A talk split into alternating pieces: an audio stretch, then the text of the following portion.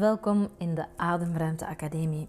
Een plaats waar je he, he, even op adem komt. Want wij hollen van ochtend tot avond, van her naar der, van hot naar her. En heel vaak ja, hollen we onszelf voorbij en soms ook te pletter. En de Ademruimte Academie wil u inspireren, motiveren, ondersteunen, begeleiden om geregeld een adempauze te nemen. Mijn naam is Veerle Dobbelaren en ik help u heel graag. Als je na het beluisteren van de podcast zegt, oh, ik heb wel goesting om wat meer uh, op adem te komen, wat ademsteun nodig, dan neem gerust een kijkje op onze website waar wij heel laagdrempelige, toegankelijke programma's aanbieden, want ik geloof dat ademruimte voor iedereen is. Geniet ervan. Ondertussen zijn de feesten achter de rug en zijn de alweer een nieuw jaar ingestapt. Tijd dus om een keer achterom te kijken. Een terugblik, zoals dat ze dat noemen. En een terugblik, dat is kijken, naar achter kijken. En kijken is natuurlijk fantastisch. Dat is een van onze zintuigen die we het liefste gebruiken. Alleen als ze zeggen een terugblik, terugkijken, dan is dat heel vaak van, vanuit dat mentaal-rationeel stukje. Wat heb ik allemaal gedaan in 2022? Wat heb ik gerealiseerd? Wat was er goed? Wat was er minder goed? Um, waar was ik succesvol? Waar heb ik misschien gefaald? Wat waren gebeurtenissen? Dus er wordt veel naar buiten gekeken en ook veel gerationaliseerd. En dat is fantastisch. Onze ratio is een heel goed instrument. Alleen vergeten we een stukje waar ik van vind dat het mogelijk misschien nog waardevoller is, namelijk ons gevoel. Um, want ons gevoel vertelt ons zoveel. Ik had onlangs nog een coaching met een prachtige dame.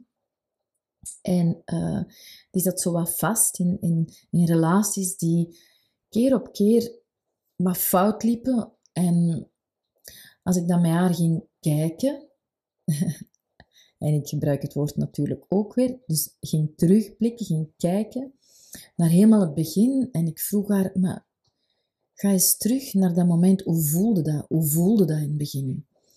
En toen zei ze, ja, eigenlijk voelde ik mij wel ongemakkelijk wel. En eigenlijk voelde ik wel wat spanning. Dus uw lichaam weet heel veel of vertaalt heel veel, ik zal het zo zeggen. Onze intuïtie is eigenlijk echt een groot magazijn van, van alles wat we daarin opgeslagen hebben. Gebeurtenissen, ideeën, uh, verdrietjes, pijntjes of grote verdrieten, grote pijnen. En dat magazijn, bewust kunnen wij daar niet aan. Hè. 95% van de dingen die we denken of uh, het gedrag dat we vertonen wordt gestuurd door onbewuste dingen, die dus allemaal in dat magazijn zitten opgeslagen. Maar uw lichaam is veel wijzer wat dat betreft en vertaalt dat. Oh, wacht, ze, dat gedrag van die persoon, um, die woorden van die persoon, intuïtief, non-verbaal, um, lezen wij daar dingen in, waar we toch een vlagje, een rood vlagje horen afgaan of zien of voelen afgaan. Dus dat gevoel, laten we dat nu eens wakker maken. Jij nu, als je nu luistert naar mij en als je dan een moment neemt om terug te blikken op 2022 en voelt hoe dat, dat jaar voelde.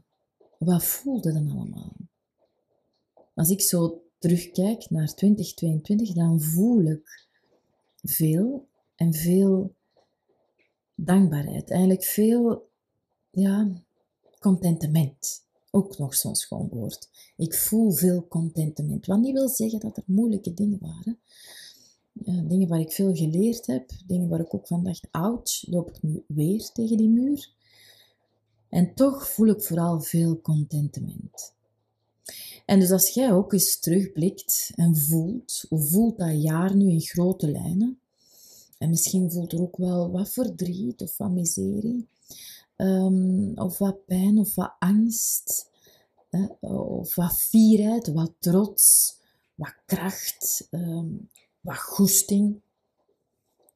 Voel dan eens wat je wilt meenemen en zo projecteren in 2023. Wat wilde in 2023 voelen? Wat je in 2022 alle vonken hebt gelegd. Ik wil nog veel meer contentement voelen.